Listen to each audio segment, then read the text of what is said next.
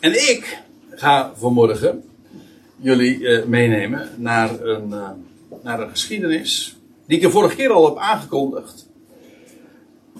En eigenlijk ook een vervolg is op wat we de vorige keer hebben besproken.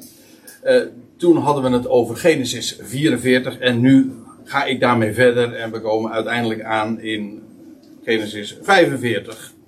De geweldige ontknoping eigenlijk van de geschiedenis van Jozef. Namelijk dat hij zich bekend maakt aan zijn broers. Maar eigenlijk daaraan voorafgaand nog de beleidenis die Juda doet. En dat eigenlijk ook de aanleiding wordt voor uh, het feit dat Jozef zich niet langer kan inhouden en zich inderdaad openbaart aan wie hij is, uh, aan zijn broers. Laat ik nog even uh, voor de goede orde nog wat uh, de dingen recapituleren, zoals dat zo deftig heet. En de vorige keer, toen hadden we het dus inderdaad over het, tweede bezoek van de broers aan Egypte. Even voor de goede orde. Er was dus hongersnood in het land. En al eerder waren de broers uh, naar, genoodzaakt om naar, uh, naar Egypte te gaan. Want ja, daar was een onderkoning die, uh, die graanschuren in plenty had aangelegd. Voor de, de magere jaren die zouden komen. En ja, toen bij het eerste bezoek ging het niet helemaal goed. Dat wil zeggen, Simeon die was vastgehouden. En nu dan, een jaar later ongeveer, gaan ze voor een tweede keer naar, naar Egypte. En, maar er was een voorwaarde die de onderkoning, incognito, dat wisten zij veel wie, met wie ze van doen hadden. Ik ga eventjes voor de goede orde. Ik ga er even gemakshalve van uit dat u de geschiedenis van Jozef, zoals de kinderbijbel dat zal ik maar zeggen, weergeeft, dat u die kent. Als ik dat namelijk helemaal ook nog moet gaan vertellen, dan wordt het wel heel erg laat allemaal. Dus uh, goed, met, met dat voorbehoud vertel ik het nu even. Jozef had gezegd, als jullie nou de volgende keer hier weer komen, dan wil ik beslist, en anders, anders geef ik ook helemaal niks, dat jullie je jongste broer meenemen. Nou, dat gaf veel voet in de aarde, want Jacob wilde dat helemaal niet. Hij was al een keertje een zoon kwijtgeraakt. Nou ja, dat, dat zullen we zien. En uh, wat er dan gebeurt, is dat Benjamin eigenlijk een, een VIP-behandeling krijgt. Als ze daadwerkelijk dan aankomen met, met, met Benjamin. En, en, dan krijgt hij op een bijzondere wijze een, een, een bevoorrechte plaats. En nou ja, daar hebben we het dus de vorige keer over gehad. En dan gaan ze uiteindelijk vertrekken. En alles krijgen ze gratis mee, want het geld wordt gewoon dat ze betaald hadden voor het voor de graan. Uh, voor het graan, dat krijgen ze gewoon weer terug, zat in hun zakken. Maar er was een list die Jozef had bedacht. En dat is dat hij dus zijn zilveren beker stiekem in de tas van Benjamin, van Benjamin heeft gestopt. Nou, daar komen ze dan achter. En dan, het is allemaal, terwijl zij onwetend waren, het was een plan dat Jozef uitvoerde. een list eigenlijk. Maar waar we het vooral ook over gehad hebben, of in ieder geval wat ik met name ook wilde belichten, is niet alleen maar de geschiedenis. Ook niet uh, de geschiedenis, zeg maar, voor volwassenen. Maar de profetische kant, dat wil zeggen de, de laag die daaronder zit. En hoe deze hele geschiedenis vooruitwijst naar de Messias. Heel de schrift spreekt van hem. En over dat plan dat God heeft, zijn agenda, zo om even in de termen van Art nog te blijven. Gods agenda en hoe hij alles al heeft uh, ingepland en ook hoe alles vooruitwijst, elke bladzijde van de Bijbel, naar hem die zou komen. Nou, Jozef is een schitterend type, de geliefde van zijn vader, maar miskend door zijn broeders en verkocht en dan uh, eigenlijk van de aardbodem verdwijnt, denkt men. En uiteindelijk uiteindelijk openbaart hij zich aan zijn broers, aan het huis van Jacob, aan Israël. Nou, die profetische lijn, daar gaat het vooral om. En wat ik de vorige keer ook heb laten zien, is dat Benjamin, eh, ja, dat was die zoon van Rachel, dat was de echte, de volle broer van Jozef. Die deelt als zoon van Rachel in de bevoorrechte plaats van, van Jozef. En, en dat typologisch, dat wil zeggen de diepere zin daarvan is, is dat Benjamin een type is van dat volk wat God vandaag uitroept in deze tussentijd. Waar alles verborgen is. alles stiekem is en alles onbekend is. De broers wisten, wisten zij veel en zo. Nee, maar de zilveren de beker als embleem van de overwinning en ook van Gods wijsheid. Want Jozef kon met behulp van deze beker, dat is een verhaal apart, maar met behulp van deze beker ook inderdaad blikken in de toekomst. Ik, uh, maar goed, uh, daar hebben we het ook dus even gehad.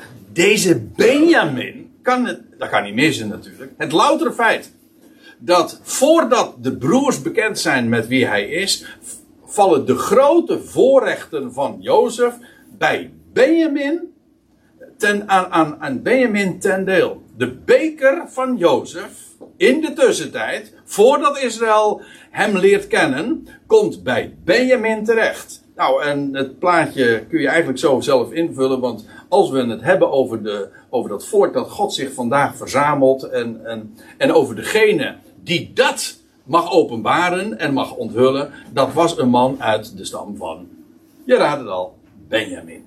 De zoon van de rechterhand. Nou, het loutere feit dat de, die zilveren beker inderdaad bij Benjamin terechtkomt, stiekem, verborgen, daar, dat verwijst profetisch naar die lijn.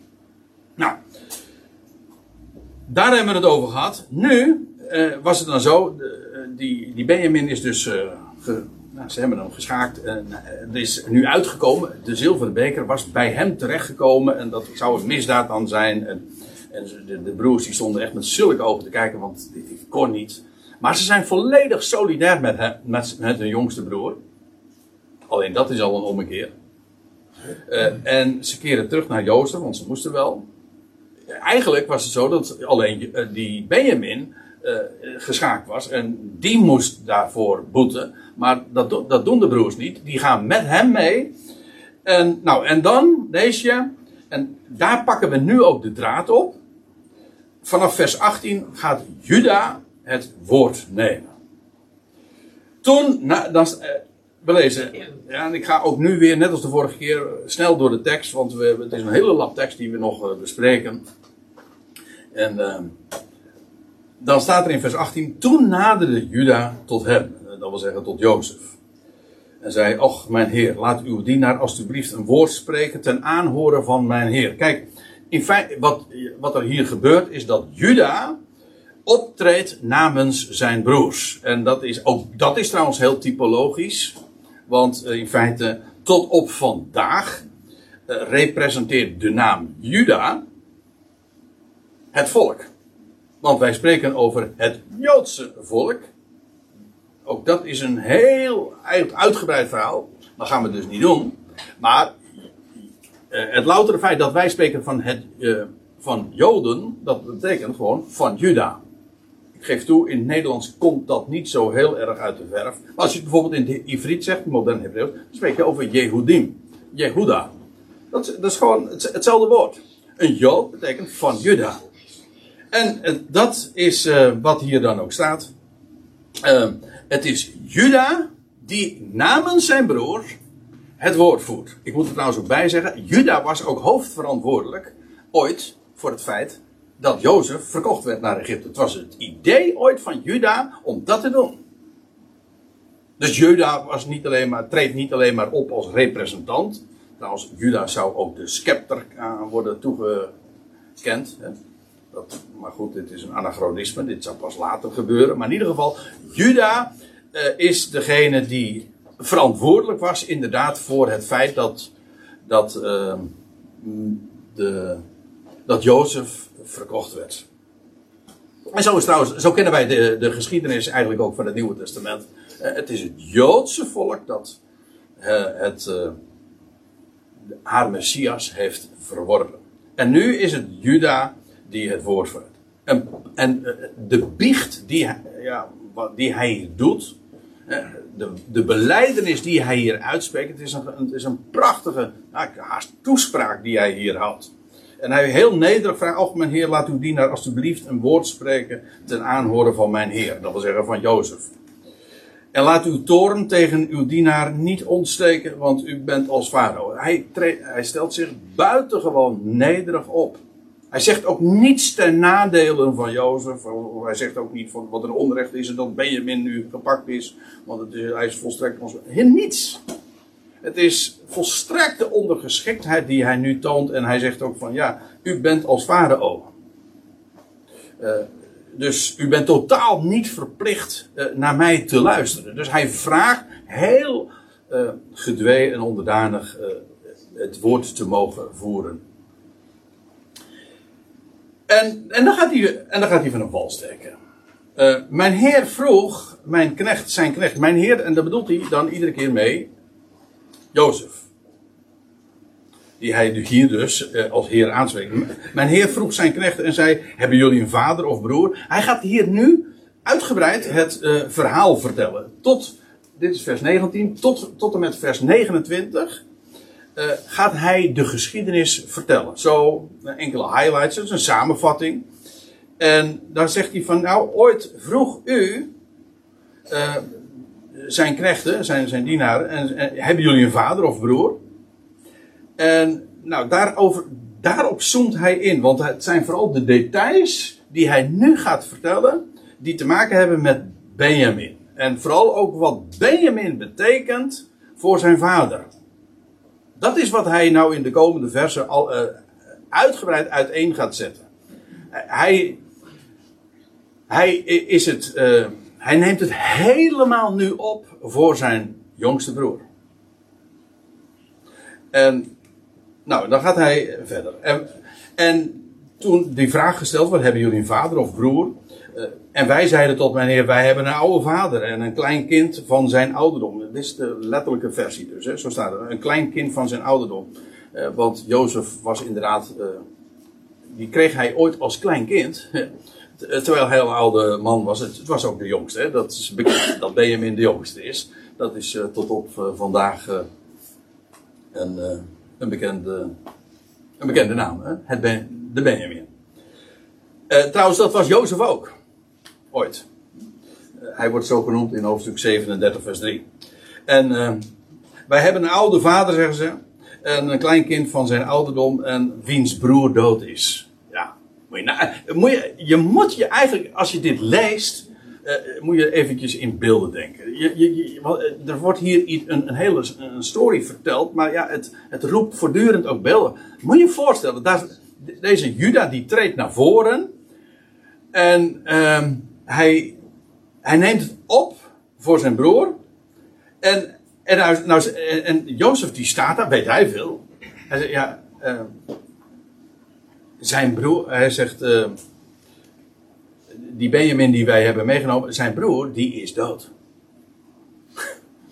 ja, hij, wordt, dat dachten ze trouwens ook echt. Ze hadden een verhaal verteld aan hun broer, uh, aan, aan hun vader, van dat het verscheurd was en zo. Maar dat hij dood was, ja, dat was, leed voor hen kennelijk ook geen twijfel. En hij alleen, dat wil zeggen, die Benjamin is aan zijn moeder uh, overgebleven. Van zijn, is van, hij alleen is van zijn moeder overgebleven. Trouwens, zijn moeder was zelf was ook uh, inmiddels overleden. Met diens geboorte. En zijn vader heeft, en zijn vader heeft hem lief ja, om eventjes uh, dit nog even op te maken. Zijn broer wordt uh, als doodgaf. Hij is alleen van zijn moeder overgebleven. En zijn vader die heeft hem, die moet je nagaan. Dit was ooit de reden waarom ze Jozef zo haten. Toch? En, want het, het dat hij zijn vader hem lief had, da, dat was de reden waarom ze hem ooit hebben verkocht. En waarom ze zo stinkend jaloers waren. En nu is ditzelfde motief de reden waarom ze om genade vragen. Nou, en dan, dan gaat hij verder. Toen zei u tot uh, uw knechten, doe hem afdalen tot mij, dat ik uh, mijn oog op hem sla. Dat wil zeggen, Jozef stond erop van, als jullie nou weer terugkomen, dan wil ik beslist dat hij uh, erbij is. Ik geef iedere keer eventjes de tekst erbij dat dat dit inderdaad de geschiedenis is. Zo is het gegaan. Jozef, Juda vertelt gewoon hier wat, uh, wat er is gebeurd. En we vinden dat inderdaad terug in de geschiedenis. En hij vertelt ook verder. Hij zei, ja, en wij zeiden toen tot mijn heer, de, de jongeling, Benjamin, zal zijn vader niet kunnen verlaten indien, hij zijn vader verlaat, zo zal hij, Jacob, sterven. Dat, kan dat kunnen we echt niet doen. En toen zei u tot de knechten, indien uw broer, die kleine, die jongste, niet met jullie afdaalt, van Israël naar Egypte, zult u mijn aangezicht niet meer zien. Dus Jozef was heel streng en die heeft gezegd van, als hij niet meekomt, dan, uh, dan wil ik jullie zelfs niet eens meer zien of treffen. En het geschiedde toen wij tot uw dienaar, mijn vader, optrokken. Ik, dat had Jozef ooit gezegd tegen zijn broers. En uh, nou zeggen ze van ja, en toen wij inderdaad naar onze vader weer teruggingen, ooit naar, naar, het, naar het land van Canaan, dat wij hem de woorden van mijn Heer verhaalden. En dat toen onze vader zei, uiteindelijk, ja, na een jaar, want de, de honger werd zo nijpend, keer terug, koop voor ons een beetje voedsel. En wij hebben gezegd, wij kunnen niet afdalen. Dat wil zeggen, wij kunnen niet naar Egypte. Indien onze broer, die kleine, Benjamin, bij ons is. Alleen dan zullen wij afdalen, omdat wij het aangezicht van die man, die heer, die, die onderkoning, niet kunnen zien als onze broer, de kleine, niet bij ons is. Jacob die wil dus, gaat terug naar Egypte, maar hij wilde Benjamin per se niet meegeven. En toen zei uw knecht, u ziet, hier wordt nog steeds uh, in het kort, samenvattend, de geschiedenis verteld hoe het gegaan is in de afgelopen twee jaar. Toen zei uw knecht, mijn vader, uh, tot ons, jullie weten dat mijn vrouw, en hij doelt hier nu op die ene vrouw, zijn geliefde, Rachel, mij twee zonen gebaard heeft. Jozef en Benjamin. Moet je nagaan, die andere zonen worden hier eigenlijk niet eens meegerekend. Maar uh, Jacob had dat ooit gezegd. Uh, je kunt je wel voorstellen wat voor verhoudingen dat daar in, in huizen Jacob is geweest. maar geen woord, en dat is heel opvallend. Ik wil er toch nog even op wijzen. Wat ja, Jozef hier doet, is ehm, erop wijzen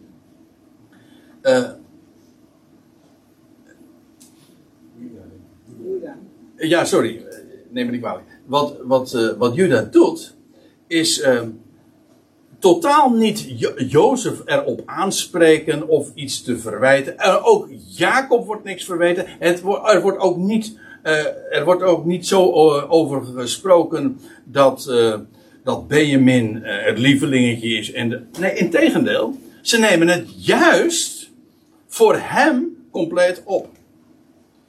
En Juda is hier de woordvoerder. En, de een, en dan staat er bij, uh, oh ja, Jacob had dat dus uh, gesproken. Jullie weten dat mijn vrouw mijn twee zonen gebaard heeft. En de ene is van mij weggegaan.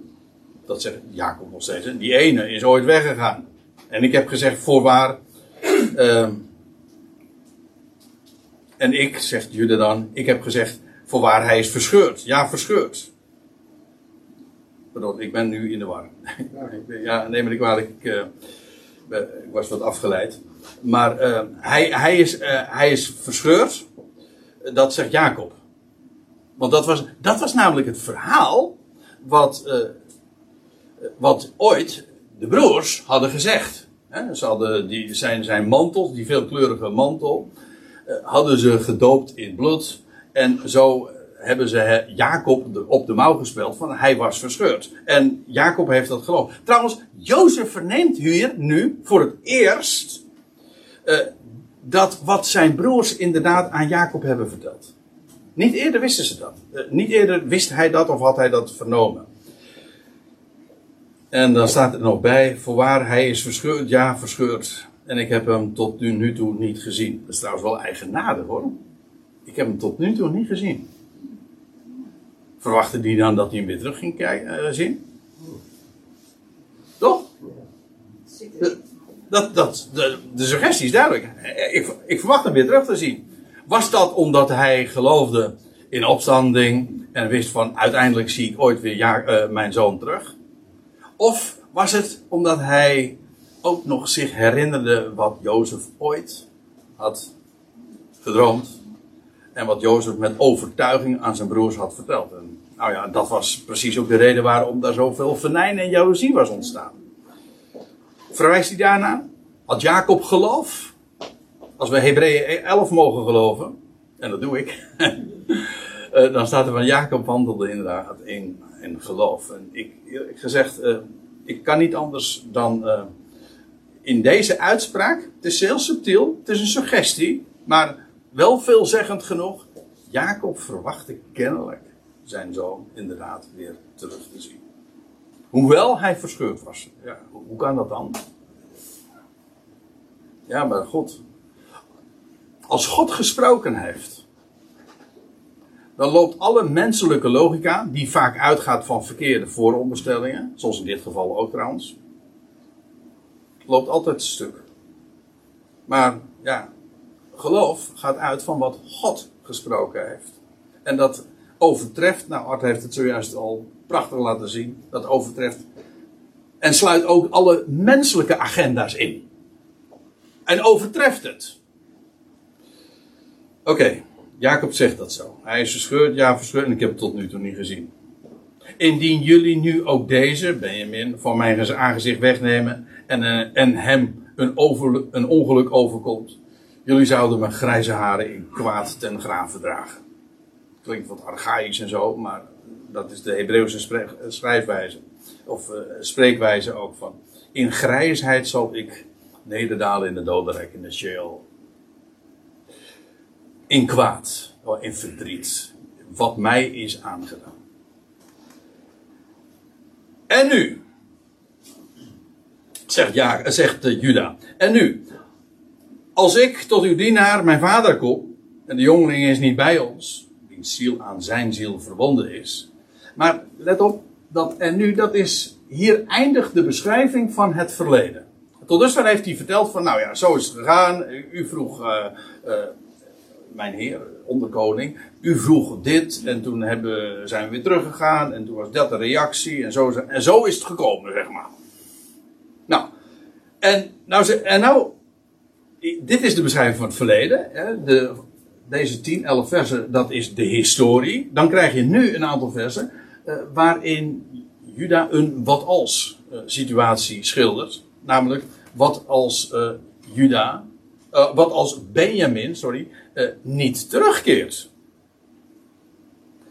En dan uiteindelijk hij bouwt zijn, zijn betoog echt ook op. Hè? Eerst de, de historie, dan vervolgens van ja, stel je voor dat we inderdaad nu Benjamin uh, meenemen, maar wat zou er gebeuren als, die, als hij ook niet terugkeert? En dan op basis daarvan komt hij dan in de laatste verse met zijn uh, verzoek.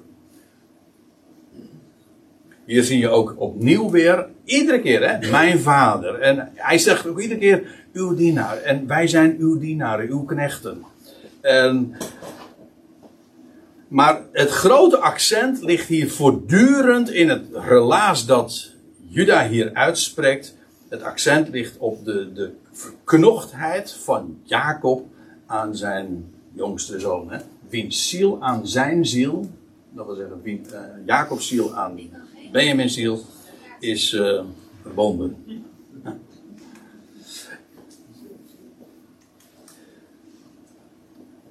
Als ik tot uw dienaar, mijn vader, kom en de jongeling is niet bij ons, als wij dan weer terugkeren en hij is er dan niet bij, dan zal het geschieden dat als hij ziet dat de jongeling er niet is, dat hij zal sterven. Dat wordt zijn dood. Als, als hij dat mee gaat maken.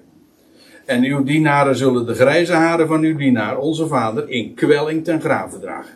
Ook dit is heel opvallend, dat hij hier, dat Juda hier namens zijn broers ook zegt van, ja, als dat inderdaad de dood wordt van onze vader, dan zijn wij de schuldigen daarvan.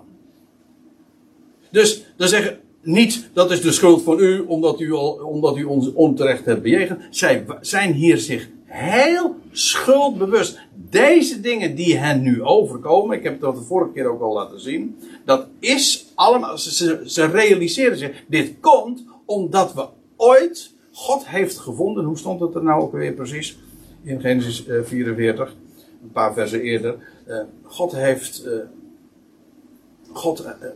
maakt dit als een, op deze wijze weer openbaar. Wat ooit, wat wij ooit hebben afgedekt en onder het tapijt hebben geschoven, zoals wij dat dan zeggen. En, eh, zo, eh, de, de geschiedenis wordt gewist en veranderd. Dat is typisch mensenwerk. Maar God openbaart de waarheid. En zij zijn zich daarvan bewust. Hij zegt, als inderdaad straks eh, Benjamin niet terug zou keren. En onze vader sterft, dan is dat onze schuld. En uw dienaren zullen de grijze haren van uw dienaar, onze vader, in kwelling ten graven dragen. Dat ligt aan ons. En nou zegt Juda dit. dit.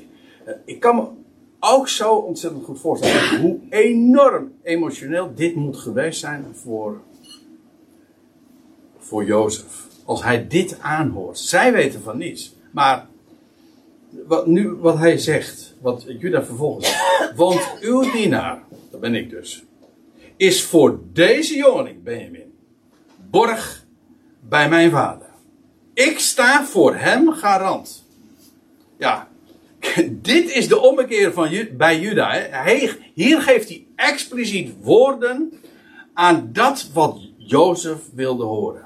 Want die listen die hij had, en waar zij uiteraard geen weet van hadden, ja, maar dat was juist om hen te oefenen. Dat was niet sadistisch, maar dat was om inderdaad de waarheid bij hen inderdaad in te prenten. En nu ook. De ommekeer is dat, dat notabene Juda, die ooit zijn broer verkocht, nu zegt, ik ben borg voor mijn jongste broer. Die lieve, de geliefde van zijn vader. Uw dienaar is voor deze jongeling borg bij mijn vader. Door te zeggen, uh, indien ik hem tot u niet terugbreng, zo zal ik tegen mijn vader gezondigd hebben al de dagen. Dat wil zeggen, als hij niet terugkeert, dan is dat mijn zonde. Al de dagen. Ten, naar hem toe. Dus hij stelt zich hier inderdaad garant daarvoor. En nu komt zijn verzoek nu dan. Laat alstublieft uw dienaar in plaats van deze jongeling dienaar van mijn heer blijven. Dat wil zeggen, eh, Benjamin zou eigenlijk uh, moeten boeten, want bij hem was de beker gevonden. En nou zegt Juda dit. Hij zegt, uh, laat mij nu hier blijven in plaats van Benjamin. En, en vervolgens, en laat u de jongeling met zijn broers opgaan naar Jacob. Want dat is de belofte die ik gedaan heb, de garantie die ik hem gegeven heb. En dat is wat ik, uh, de belofte die ik, die ik zal nakomen. Hij offert zich dus helemaal op voor zijn jongste broer. Want, nou zegt hij dan tenslotte nog. Want hoe zou ik opgaan tot mijn vader als de jongeling niet met mij is? Ik zou het kwaad niet kunnen zien dat mijn vader zou treffen. En ja, wat, je, wat in dit hele relaas, wat Juda nu heeft uitgesproken, daarin komt zo duidelijk naar voren uh, hoe de verandering uh, in hun hart heeft plaatsgevonden. Hoe Juda nu woorden geeft aan aan hoe de vlag erbij hangt. Hè. Ze waren ooit zo haatdragend en ten opzichte van die geliefde zoon van hun vader, dat lievelingetje, die zo bevoorrecht was. En de haat heeft nu plaatsgemaakt voor solidariteit. In plaats van dat, dat Benjamin naar, naar Jozef uh, gestuurd wordt en dat ze zeggen, nou dan gaan, wij, dan gaan wij weer terug. Nee, nu zijn ze absoluut solidair en ze blijven bij elkaar. En ze waren jaloers. En nu ineens, of ineens, niet ineens, maar door al die uh, omstandigheden en door alles wat er nu gebeurd is, zijn ze uiteindelijk tot deze conclusie gekomen. En Juda zegt dat van de jaloezie ooit van ruim twintig jaar geleden, die heeft plaatsgemaakt voor een absoluut voor liefde en voor opofferingsgezindheid. Nou, dit is de climax. Juda zegt van, laat hem gaan en ik stel mij gewoon beschikbaar voor u. En dan staat er, en nou begint het nieuwe hoofdstuk, hoofdstuk 45. Toen kon Jozef zich niet meer bedwingen. Voor alle die bij hem stonden. En hij riep: Doe iedereen van mij uitgaan. Dus dit, twee keer eerder lezen we in, bij de bezoeken die de broers hebben gebracht aan, aan Jozef. Dat Jozef, uh, dat Jozef moeite doet om zijn tranen te verbergen. Dat was bij het eerste bezoek ook al. Toen werd het hem even te veel. En toen is hij weggegaan. En de vorige keer hebben we het ook gelezen. Als hij dan Benjamin ziet en hem om de hals heeft. Uh, nee, nou in ieder geval hem uh, begroet heeft op een hele bijzondere wijze. Dan werd, toen werd het hem ook te veel. En toen moest hij weglopen. En in een, uh, een kamer daarnaast heeft hij, heeft hij gewoon zitten huilen. En om zich vervolgens weer te vermannen. En nou ja, het spel weer verder te spelen. Maar nu kon hij zich niet langer meer bedwingen voor allen die bij hem stonden. En hij stuurt iedereen weg. En er stond niemand bij hem toen Jozef zich aan zijn broers bekend maakte. Dit is dus een hele intieme gebeurtenis. Tot dusver waren er allerlei figuren bij, officials en weet ik wat voor eh, mensen daar allemaal uh, ongetwijfeld nog bij geweest zijn. Maar die worden allemaal weggestuurd. Dit is iets tussen Jozef en zijn broers alleen. En ik geloof trouwens dat dit ook in hoge mate profetisch is. Want als de Heer, ik bedoel de Messias, de doodgewaande Jozef, als u begrijpt wat ik bedoel, zich straks gaat bekendmaken aan zijn volk dan zal hij dat ook doen in de intimiteit. Want hij zal ze, ze, zullen roepen, ze zullen de naam van Yahweh aanroepen en dan zal hij verschijnen en dan zal er een vluchtweg gecreëerd worden, de olijfberg die scheurt en dan zullen ze naar de woestijn vluchten. En daar in de woestijn zal het volk uh, wereldwijd vergaderd worden en daar in de woestijn zal hij zich bekendmaken. Je leest daar... In allerlei passages ook in Zachariah 12. Dan zullen ze zien wie zij doorstoken hebben. En dan zullen ze vragen: wat zijn dat voor wonden in uw handen? Staat er in Zachariah 12. Wat zijn dat voor wonden? En daarmee ben ik geslagen in het huis van mijn liefhebbers. Dit is, dat wil zeggen, in mijn, in mijn, in mijn eigen huis. In, in het huis van mijn van eigen familie. En dan zullen ze wenen als over een eerstgeborene. Dat is die ook. Het staat allemaal zo. In de Hebreeuwse Bijbel wordt dit al zo aangekondigd. En dit is een fantastisch plaatje daarvan. En uh, dan lees je ook dat het volk verzameld wordt in de woestijn. En daar zal geen mens bij zijn. Als Jozef, de ware Jozef, zich straks gaat bekendmaken aan zijn broers. En gaat vertellen wie hij is. Dan is daar niemand bij. Er stond niemand bij hem toen Jozef zich aan zijn broers bekend maakte. En, dan hij verhief zijn stem in huilen. en ja, dat met, verhief zijn stem echt hoor. Want, en de Egyptenaren die horen, want die waren in de kamer ernaast of zo. En het huis van Farao hoorde het. Dat, zal iets, ja, dat, er zijn twee verklaringen voor. Dat is of aangrenzend gelegen. Of hebben zij dat vernomen uh, via via dus van de Egyptenaren. Dat zou ook nog kunnen. Uh,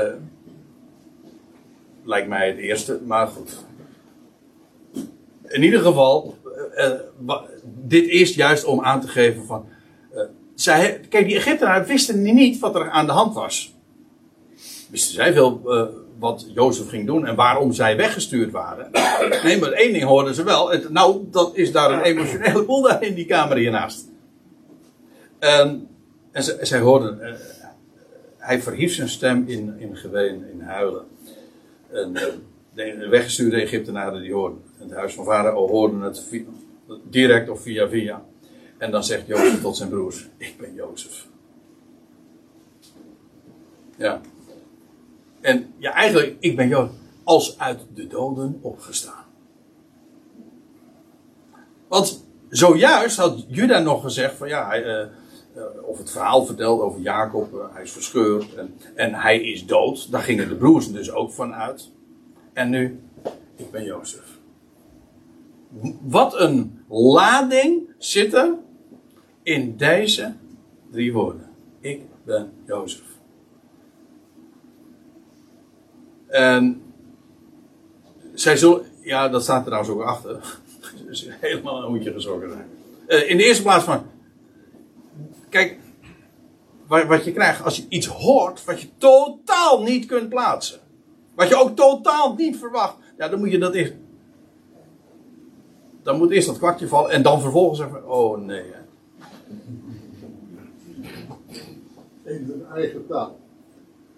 Ja, dat is ook nog zoiets. In zijn eigen taal, ja. Ja, want later. want eer, nee, eerder lees je dat hij nog een tolk. Uh, dat, ik denk in die hele conversatie is daar, uh, moet daar een tolk geweest zijn. Dat lees je ook bij de eerste ontmoetingen. Hij maakte gebruik van iemand die hem vertaalde. Dus uh, Jozef, die was de Egyptenaar, zeg maar. En hij spreekt Egyptisch met met die jongens. En zo werd het vertolkt. Maar nu niet. Ja, waarom zou die? Dus uh, gewoon in het Hebreeuws zeg maar. Ik, ik ben Jozef. Leeft mijn vader nog? Uh, ik denk niet dat dit een echte vraag is. Het is meer een retorische uitroep. Want ze had, leeft mijn vader nog? Zo. Want dat hadden ze zojuist gezegd. Dus wat je zou kunnen zeggen, dat hadden ze toch al verteld. Maar uh, dat was ook de ontsteltenis voor Jozef. Leeft mijn vader echt nog? En zijn broers konden, konden hem niet antwoorden. Want ze waren verschrikt voor zijn aangezicht. De, de eerste reactie was geen blijdschap hoor. Dat lees je trouwens ook, uh, dat als de Heer zich straks gaat bekendmaken, de Messias zich gaat bekendmaken aan zijn volk. En ze zullen zien wie zij doorstoken hebben en ze zullen een rouwklacht over hem aanheffen. En in dit geval, de broers zijn ongetwijfeld ook bang geweest. Van, en nou, nou gaat er wat zwaaien. Nou, ze, ze waren verschrikt voor zijn aangezicht. En Jozef zei tot zijn broers.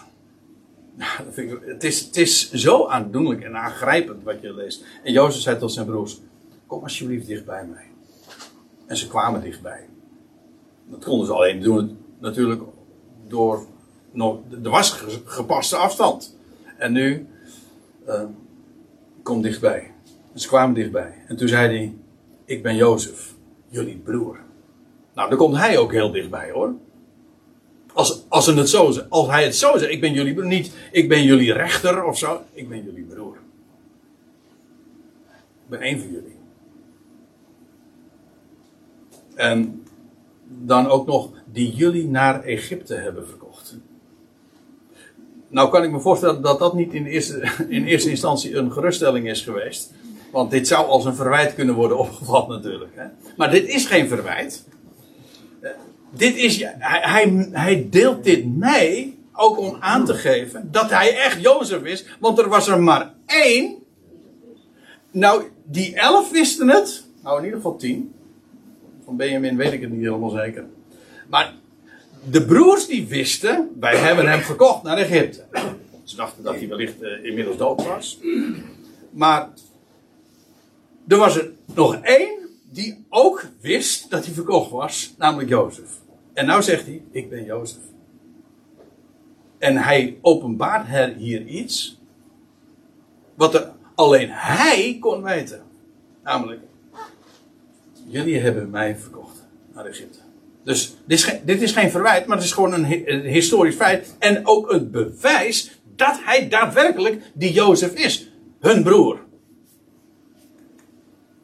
En nou, en, ja, wat, er, wat er dan vervolgens komt. Want Jozef heeft nu zich inderdaad blootgegeven. Ik ben Jozef. Maar, maar dan zijn reactie. Dit is zo onvoorstelbaar. Uh, wat hij dan zegt. En nu, wees niet bedroefd. En laat jullie ogen niet gloeien. Dat is uh, de MBG. Uh, uh, wees niet ontsteld. Maar letterlijk staat er zo in het, in het Hebreeuws zoiets. Um, letter, de gedachte van jullie ogen branden of zijn heet. He, daar, eigenlijk zo, zeggen wij trouwens ook. Je, je, de tranen branden in je ogen. Dat is, dat is eigenlijk een beetje de, de beeldspraak die hier gebruikt. Laat jullie ogen niet gloeien. omdat jullie mij hierheen verkocht hebben. Dat was gebeurd. En, maar nu, waarom zouden ze, zou dat voor hen geen reden zijn om bedroefd te wezen. Dat ze droef waren en dat ze schuldbewust waren, dat had Juda inmiddels wel bewezen. Als woordvoerder van zijn broers. En nu was ook het moment aangekomen dat Jozef zich kon bekendmaken. Want hun harten waren zeg maar nu toebereid om, om dit te ontvangen. Anders was het ook prematuur geweest. Dit moest, dit moest eerst gezegd zijn. En, en nu kon Jozef zich, zich openbaren. Hij zegt, uh, laat jullie ogen nou niet uh, gloeien omdat jullie mij hierheen verkocht hebben. Uh, waarom? Hij zegt, want God zond mij hierheen voor jullie aangezicht om te doen leven. Die, dit vind ik eigenlijk het hoogtepunt.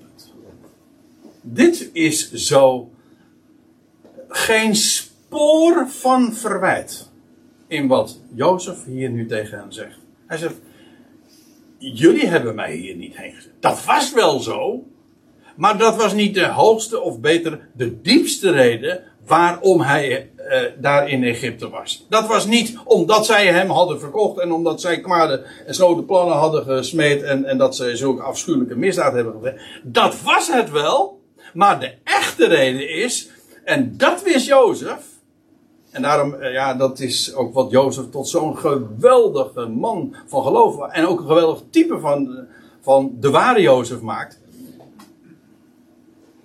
Jozef wist er is er één die alles in zijn hand heeft.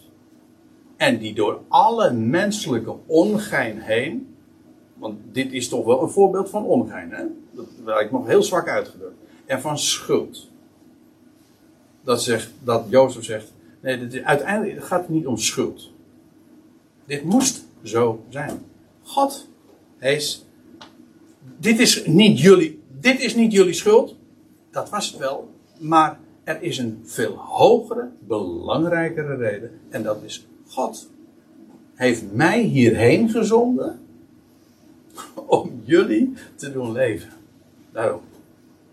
Kijk, als je op deze wijze naar de geschiedenis kijkt, in het grote geheel, in dit geval gaat het over deze specifieke geschiedenis. Maar als je op deze wijze in het algemeen naar, naar het wereldgebeuren kijkt, alles wat er plaatsvindt, wij hebben dan de neiging om te denken in termen van schuld. Dat komt allemaal, die heeft dat gedaan. En, en dat niveau klopt, is op zich niet onwaar, maar het is, het is de onderkant. Hè? Om het uh, bekende beeld van de, het borduurwerkje te bekijken. Uh, te, om die metafoor eventjes te, aan te halen. En we kijken tegen, wij, kijken, wij staan aan de onderkant en, en wij kijken naar, naar die, uh, een wirwar van factoren en, en we spreken dan van schuld. Ja, maar er is er één die alles plaatsgeeft en toewijst en bestuurt. Het is, alle, het is goddelijke regie. En zelfs zulk, zulk zo'n misdaad die zij hebben begaan op het hoogste niveau. Het is God die zijn weg gaat. En ik weet, daar kun je theologisch over gaan zitten stoeien. Hoe kan dat dan allemaal? Heeft God dan alles in zijn hand? En, en maken we God dat. Eh, die ken, kent u die?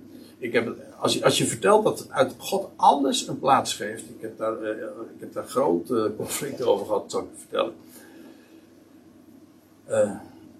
Als je dat zegt, dat God ook het kwaad in zijn hand heeft. Sterker, de creator is van het kwaad. En waarom? Omdat hij alles in zijn handen heeft. En ook met het kwaad. Of juist met het kwaad. Daarin zijn weg gaat. En dat zie, dat zie we hier. En, maar als je dat persoonlijk ook zo mag weten. Hè, of, en, en dat eh, je gaat realiseren van ja, de dingen die er plaatsvinden. Je denkt dat het misgaat. En er gaat niks mis. Dus er één. Het is een van de slogans die ik heel vaak aanhaal. Je hoort het mij uh, ongetwijfeld uh, vaak zeggen. Bij God gaat er nooit iets mis. Ging er hier iets mis? Ja, ogenschijnlijk van alles. Maar voor God niet. En daarom hebben we hier ook, zijn we samen ronden om een werkelijk een goed bericht. Want er gaat nooit meer iets mis. En de dingen die gebeuren, die moeten gebeuren. En later in de geschiedenis zullen we ook trouwens zien dat, uh, dat, ja, dat is in Genesis 50, het laatste hoofdstuk, dat, dat Jacob dat ook tegen zijn. Nee, pardon, dat Jozef dat ook tegen zijn broers zegt. Jullie hebben kwaad gedacht, maar God heeft dat ten goede gekeerd. Die minnen heeft God tot plussen gemaakt. En, en ik zal u dit vertellen: er bestaat geen plus zonder een min. Teken jij maar eens een plus, waar er niet een min zit. Lukt je niet, kan niet. Die min, dat kwaad, die min, dat foute, dat negatieve, die ellende, al dat verschrikkelijke, de schuld. Ja. Maar nu bewijst Jozef door dit zo te zeggen: er is een God die juist daardoor jullie in het leven houdt. En wat, en nu, kijk, de broers die haten ooit Jozef. En ze hebben hem verkocht, nou, et cetera. En nu blijkt dat Jozef werkelijk van zijn broers houdt. Nu waren zij, en nu worden zij. Het heeft enige tijd geduurd hoor, voordat het kwartje bij hen landde. Of uh, zak, hoe zeg je dat? Het, ja. Viel. Viel, ja. Uh, dat duurde even, maar het viel. En nu waren ze verzoend. En dan is het, dan is maar niet alleen een kwestie van, nou ja, uh, we zijn weer on speaking terms of zoiets. Uh, nee, dan, dan zijn ze verzoend. Dan is er eenheid, dan is er liefde. En dat is wat er hier nu gebeurd is. En daar was deze diepe weg voor nodig. Dus ga nooit denken en zeggen, en dat is, dat is een fikse troost voor iedereen die in de ellende of in de shit, of weet ik veel wat, uh, hoe je het noemt, zit. Bij God gaat er nooit iets mis. Dat denk je wel. En dat moet soms jaren duren. Hier heeft, vergis je niet, hè? Het heeft 22, in dit geval, dit was uh, twee, na 20 jaar en 2 jaar. Ik zeg het expres nu even zo voor de typologen. Hè? Dat, dat is een hele tijd hoor, kan ik u vertellen. Ja. Maar als je, en dat is het geweldige, de broers ontdekken dit nu maar, maar Jozef heeft dit altijd geweten. Altijd al. En daarom heeft Jozef, al die jaren dat, die, dat, dat er getopt werd, heeft hij rust gehad. En vrede. Hij kende zijn God. En God maakt dat, God maakt zijn woord altijd waar. ik vind het geweldig. God zond mij hierheen voor jullie aangezicht. Vandaar ook dat Jozef, uh, hij zegt dit niet alleen maar. Voor hem was dit de waarheid. Moest, dit moest gebeuren. God heeft mij hierheen gezonden. Forget it dat jullie dat gedaan hebben.